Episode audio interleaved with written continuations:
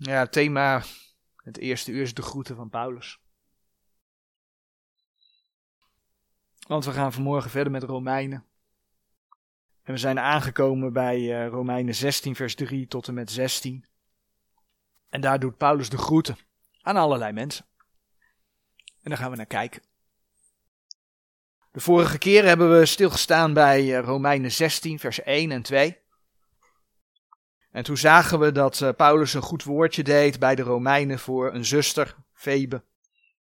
Febe was een dienares van de gemeente. En we zagen toen dat die versen vaak gebruikt worden om uh, ja, goed te praten dat een vrouw ook een ambt in de gemeente zou kunnen hebben. En dat gaat dan terug op het Grieks, waar het woordje diakonos staat. En diakonos, hè, dat, dat wordt dan ook gebruikt op de plekken waar bij ons diaken staat. En dus zeggen ze dan was Febe een diakones. Maar als je dan gaat kijken in Gods woord welke eisen de Heer stelt aan een diaken, dan kan een vrouw nooit een diakones zijn. Want, zegt de Heer, een diaken is per definitie een man van één vrouw. Dus een diaken is een man. Nou, heel terecht staat er dus ook in Romeinen 16 vers 1 gewoon het woordje dienares. En we hebben toen allerlei versen gezien waar diakonos ook niet vertaald kan worden met diaken. Of eventueel diakones. Maar waar het gewoon dienaar of dienares betekent. En in de Statenbijbel staat op deze plek dus gewoon heel terecht. Dienares. Want ook vrouwen kunnen de gemeente heel goed dienen. Alleen niet als ouderling, een herder, eh, ook niet als diaken. Nou, dan gaan we dus verder bij eh, Romeinen 16, vers 3. En dan lezen we een hele lijst met groeten van Paulus. Groet Priscilla en Aquila, mijn medewerkers in Christus Jezus, die voor mijn leven hun hals gesteld hebben, de welke niet alleen ik dank, maar ook al de gemeente der heidenen. Groet ook de gemeente in hun huis. Groet Epenetus, mijn beminde, die de eersteling is van Achaïe in Christus. Goed Maria, die veel voor ons gearbeid heeft. Goed Andronicus en Junias, mijn magen en mijn medegevangenen, welke vermaard zijn onder de apostelen die ook voor mij in Christus geweest zijn. Goed Amplias, mijn beminde in de Here. Goed Urbanus, onze medearbeider in Christus. En Stagis, mijn beminde. Goed Apelles, die beproefd is in Christus. Groet hen die van het huisgezin van Aristobulus zijn. Groet Herodion, die van mijn maagschap is. Groet hen die van het huisgezin van Narcissus zijn, degene namelijk die in de Here zijn. Groet Trivena en Trivosa, vrouwen die in de Here arbeiden. Groet Persus, de beminde zuster, die veel gearbeid heeft in de Here. Groet Rufus, de uitverkorene in de Here, en zijn moeder en de mijne. Groet uh, Syncritus, Phlegon, Hermas, Patrobas, Hermes en de broeders die met hen zijn. Groet Philologus en Julia, Nereus en zijn zuster, en Olympas en al de heiligen die met hen lieden zijn. Groet elkander met een heilige kus, de gemeente van Christus groeten u lieden. Tot zover het schriftgedeelte. Nou, in aansluiting op de vorige keer zie je hier dus allereerst, ook in de vervolgversen, dat vrouwen in de gemeente de heren kunnen dienen. vers 12, daar hebben we net gelezen. Goed Trivena en Trivosa, vrouwen die in de heren arbeiden. Goed Persis, de beminde zuster, die veel gearbeid heeft in de heren. De Heere God geeft een bepaalde ordening binnen de gemeente. En daar moeten we ons aan houden. Maar dat wil dus niet zeggen dat vrouwen niet voor de heren zouden kunnen arbeiden. Integendeel.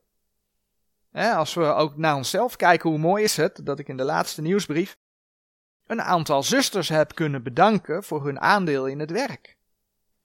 Maar de Heer laat dus zien in zijn woord dat dat gewoon gebeurt, dat dat mogelijk is. Verder zien we in deze verse dat Paulus de groeten doet aan diverse gelovigen in Rome, waaronder een aantal medewerkers en geliefden van hem, maar ook een aantal familieleden van hem. Want daar waar magen of maagschap staat, is dat namelijk een verwijzing naar bloedverwanten. We hebben dat in Romeinen 16, vers 7 en 11 gelezen. En dan lees je dat in de gemeente van Rome zich iemand bevindt die Epenetus heet. Hij is de eersteling, hij is dus de eerste, de eerste die door Paulus' prediking in Achaïe tot geloof is gekomen. Nou, Achaïe, dat is Zuid-Griekenland. Korinthe was daarvan de hoofdstad. En degene die daar dus als eerste tot geloof was gekomen, die bevond zich in de gemeente van Rome. Dan kom je in de Bijbel veel namenlijsten tegen. In het Oude Testament, vooral de geslachtsregisters, hele lijsten met namen soms. En hier in Romeinen zie je dus een, een hele lange rij met namen, aan wie Paulus dus de groeten overbrengt. Nou, over het algemeen zijn die lijsten met die namen zijn niet het meest interessant om te lezen. Maar als je Gods woord leest, is het wel goed om ook die namenlijsten te lezen. Het is er niet voor niets. De Heer heeft ook dat in zijn woord gegeven. Het mooie is ook dat als je al die namen leest, dat je je daarbij kunt bedenken hoe mooi het is dat de Heer iedereen bij name kent. De Heer ruimt er plek voor in zijn woord voor al die mensen. Hij noemt ze. Bedenk bijvoorbeeld dat de Bijbel in Openbaring 20, vers 15 spreekt over het boek des levens. De naam van een ieder die de Heer kent staat in dat boek geschreven. Nou, als je alleen al daaraan denkt, is het mooi om te zien dat de Heer al die namen bijhoudt. Maar dat niet alleen. Zelfs in deze namenlijst die we in Romeinen gelezen hebben, kom je allerlei dingen tegen die gewoon ook kostbaar zijn om te weten. En een aantal van die punten willen we dan vanmorgen bespreken. In Romeinen 16, vers 5 hebben we gelezen. Groet ook de gemeente in hun huis. Dat is het huis van Priscilla en, en Aquila. Groet ook de gemeente in hun huis. Groet Epenetus, mijn beminde, die de eersteling is van Achaïe in Christus. Men kwam in het begin in de huizen samen. Maar het mooie van dit vers is dat je ziet dat de gemeente niet dat huis is waar ze samenkwamen. Een gemeente is niet een gebouw van fysieke stenen, maar de gemeente is een verzameling van mensen. En dat is waar het om gaat. Mensen die de Here kennen en daarom samenkomen. Dat blijkt bijvoorbeeld ook, als voorbeeld zoeken we dat vers op uit Handelingen 14, vers 27. Handelingen 14, vers 27, waar je het volgende leest. En daar gekomen zijnde en de gemeente vergaderd hebbende, verhaalden zij wat grote dingen God met hen gedaan had, en dat hij de heidenen de deur des geloofs geopend had. Het gaat gewoon, heel gewoon even om dat stukje dat daar staat en de gemeente vergaderd hebbende. Zo'n tekst kom je ook in 1 Korinthe 14 vers 23 tegen.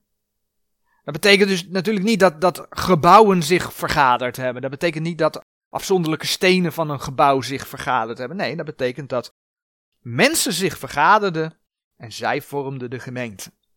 Heel vaak hoor je kerkgenootschappen verwijzen naar hun kerkgebouw. Dat is, daar praten ze dan over alsof dat het huis Gods zou zijn. Maar dat is helemaal niet zo. Zij die de Heren kennen en dan samenkomen, vormen samen een lokale gemeente. En als je dan naar alle wederomgeborenen gaat kijken, wat door allerlei gemeenten heen loopt, Die wederomgeborenen vormen samen niet een, een, gebouw van fysieke stenen, maar ze vormen wel een gebouw. En de Heer spreekt daarover in Efeze 2, vers 19 tot en met 22. Dat is een geestelijk gebouw. In Efeze 2, vers 19 tot en met 22 lees je daar het volgende over. Zo zijt gij dan niet meer vreemdelingen en bijwoners, maar medeburgers der heiligen en huisgenoten Gods. Gebouwd op het fundament der apostelen en profeten, waarvan Jezus Christus is de uiterste hoeksteen, op welke het gehele gebouw, bekwamelijk samengevoegd zijnde, opwast tot een heilige tempel in de Here, op welke ook gij mede gebouwd wordt tot een woonstede Gods in de geest. Het is dus een geestelijk gebouw. Dat geestelijk gebouw is dus de gemeente van de Heer Jezus. Dat geestelijk gebouw is dus het lichaam van de Heer Jezus. Nou, onlangs hebben we gekeken naar het ultra- of hyperdispensationalisme. Eigenlijk een verzamelnaam voor allerlei verschillende groepen die zeggen Gods woord recht te snijden, maar dat niet doen. Wat ze gezamenlijk kenmerkt is vaak dat ze, vanuit de boodschap van Paulus voor de gemeente, dus ook de gemeente van de Heer Jezus, heel belangrijk vinden. En in principe is dat natuurlijk heel bijbels, want we leven in de gemeentetijd. Maar als je dan gaat kijken naar wat die gemeente is in Gods woord, wat kenmerkt die gemeente? Nou, volgens Paulus' brieven, dat zij bestaat uit hen die door de wedergeboorte ingedoopt zijn in het lichaam van de Here, door de Heilige Geest. 1 Korinthe 12 vers 13 spreekt daarover. 2 Korinthe 5 vers 17 spreekt daarover. Dat is dan waar ja, eigenlijk door die groepen gezamenlijk een fout gemaakt wordt. Waaruit blijkt dat ze Gods woord niet recht snijden. Want ze laten de gemeente van de Heer Jezus niet bij het kruis beginnen, maar ergens daar waar Paulus zich in Handelingen 9 bekeert of pas daarna. Dat is wat er gebeurt. Sommigen kiezen daar Handelingen 9 voor, sommigen ergens halverwege Handelingen, anderen zelfs eindhandelingen pas. En ja, als je dat gaat doen, en op die manier de schrift niet recht snijdt, dan gaan er allerlei dwaalleren ontstaan. Want Gods woord laat nu eenmaal zien, en we hebben dat toen gezien in Efeze 2, vers 13 tot en met 16, dat de gemeente van de Heer Jezus bij het kruis ontstaan is. Dat is wat de schrift laat zien. Nou, en hoe mooi laat deze lijst dan ook zien, die lijst van groeten. In Romeinen 16, vers 7, dat er al mensen in Christus waren, in Christus waren, voordat Paulus tot geloof gekomen was. Want Romeinen 16, vers 7 zegt: Goed Andronicus en Junias, mijn magen en mijn medegevangenen, welke vermaard zijn onder de apostelen, die ook voor mij in Christus geweest zijn. dus, weet je, de schrift is gewoon duidelijk. En dan lezen we in Romeinen 16, vers 16 het volgende: Groet elkander met een heilige kus. De gemeenten van Christus groeten u lieden. Als je dat leest, kun je dus de vraag stellen of dit nu betekent dat we elkaar vanaf vandaag met een kus moeten gaan begroeten. Nou, ik geloof niet dat dat de bedoeling is. Ja, in die tijd begroeten men elkaar met een kus. Maar waar het om ging, is dat die kus, waar ze elkaar mee begroeten, dat die heilig moest zijn dat die kus oprecht moest zijn. Denk aan Judas. Judas verraadde de Heer Jezus. En hoe deed hij dat? Hij deed dat met een kus. Een kus waar men elkaar in die tijd mee begroette, gebruikte hij om de Heer Jezus te verraden. Nou, in het verleden hebben we uitgebreid bij dit onderwerp stilgestaan, dus wil je hier meer over weten. Dan verwijs ik naar de boodschap van 7 november 2021 met als titel over heilige handen en een heilige kus. Kun je op de site naluisteren. Ook nu geven mensen elkaar wel een kus als begroeting, maar ook wel een handdruk of een omhelzing. En de vraag is dan: begroet je iemand terwijl je achter zijn rug over hem praat of over haar praat? Of begroet je iemand terwijl je hem de volgende keer de rug toedraait of begroet je iemand met een bijbedoeling? Weet je, dat zijn voorbeelden van een onheilige begroeting. Want de bedoeling is dat je iemand zonder bijbedoeling begroet. Zonder achter zijn of haar rug over hem of haar te praten. En zonder hem of haar de volgende keer de rug toe te draaien. Oftewel, begroet je iemand heilig, zonder zonde, oprecht. Dat is wat de Heer vraagt. Groet elkander met een heilige kus. De gemeente van Christus groeten u lieden. Nou, het mooie van die lijst namen in Romeinen 16 is ook dat de naam Petrus er niet in voorkomt. Want het is de Rooms-Katholieke Kerk die beweert dat Petrus de eerste paus zou zijn. Het is de Rooms-Katholieke Kerk die beweert dat Petrus in Rome geweest is. Zo wordt wel beweerd dat Petrus paus zou zijn geweest van 41 tot 66 na Christus. En zo beweert de Rooms-Katholieke Kerk ook dat Petrus in Rome begraven zou liggen. Maar wanneer je de Bijbel gaat lezen, dan kom je erachter dat Petrus helemaal nooit in Rome is geweest. Uit handelingen blijkt namelijk dat Petrus in Israël verbleef. En grotendeels zelfs in Jeruzalem. In handelingen 10, bijvoorbeeld vers 5 en vers 24, lees je dat Petrus het evangelie verkondigde in Caesarea en Joppe. In Israël dus. En ja, dat was ongeveer 41 na Christus. Vervolgens lees je in Handelingen 12 dat Petrus gevangen werd door Herodes en bevrijd werd door een engel. Dat was in ongeveer 42 na Christus. Toen er in Antiochië oneenigheid ontstond over een aantal zaken, besloot men om Paulus, Barnabas en nog enkele naar de apostelen en ouderlingen in Jeruzalem te sturen. En daar vond overleg plaats, waar je in Handelingen 15 vers 7 leest dat Petrus het woord nam. Blijkbaar was Petrus dus in 52 na Christus nog steeds in Jeruzalem. Toen ze besloten om een boodschap naar de gelovigen in Antiochië te sturen en enkele uit Jeruzalem mee te sturen, waren dat Judas en Silas, die voorgangers waren volgens Handelingen 15 vers 22. De schrift die maakt ook daar duidelijk dat Petrus opnieuw niet wegging uit Jeruzalem. En zo zien we dat Paulus, en daarvoor bladeren we naar Gelaten 1, dat Paulus in de brieven geschreven heeft over het feit dat hij naar Jeruzalem ging om Petrus te ontmoeten. Je komt dat tegen in Gelaten 1 vers 18, maar dat blijkt ook uit Gelaten 2 vers 1, vers 8 en vers 9, maar laten we Gelaten 1 vers 18 even lezen.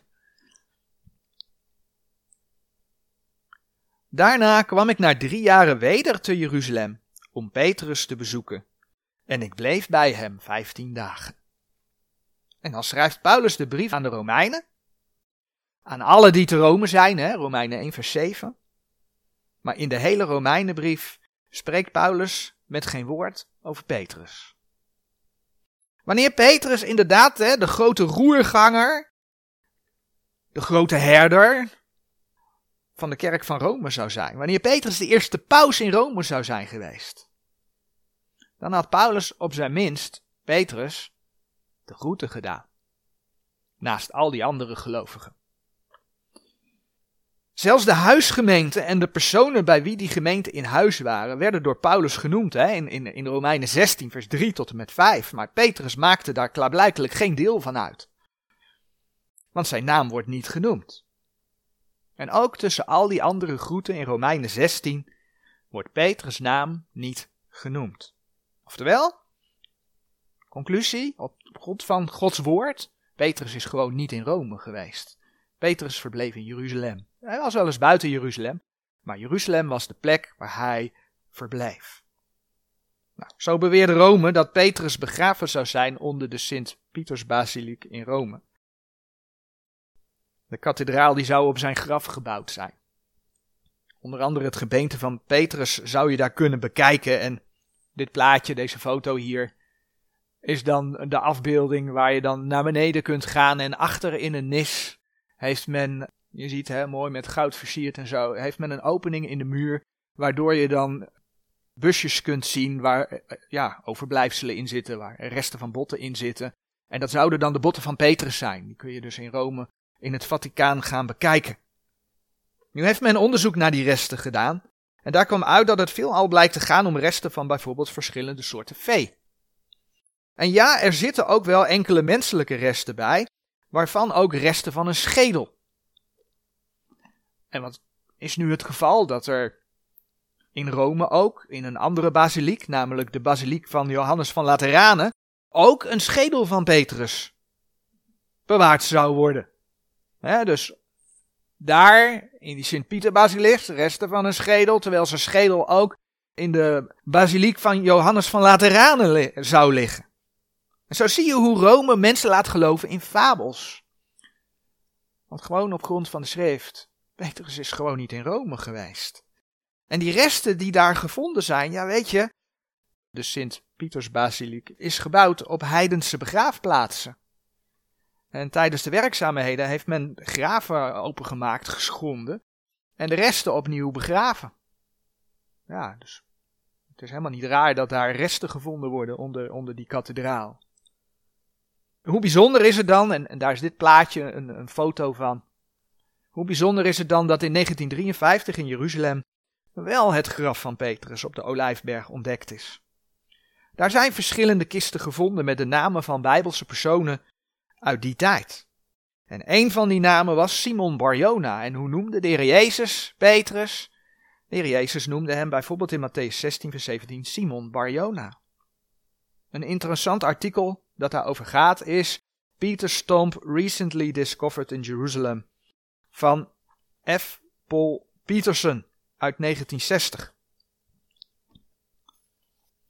Je snapt dat die vondsten door de Rooms-Katholieke Kerk in de doofpot gestopt zijn. Dus dat is helemaal niet breed bekend. Maar hoe mooi zie je in dit alles dat Gods woord gewoon klopt. Hè? Mensen worden voor de gek gehouden. Ze worden door een zogenaamde geestelijkheid gericht op fabels en op afgodenverering. Want ja, het is het vereren van een heilige.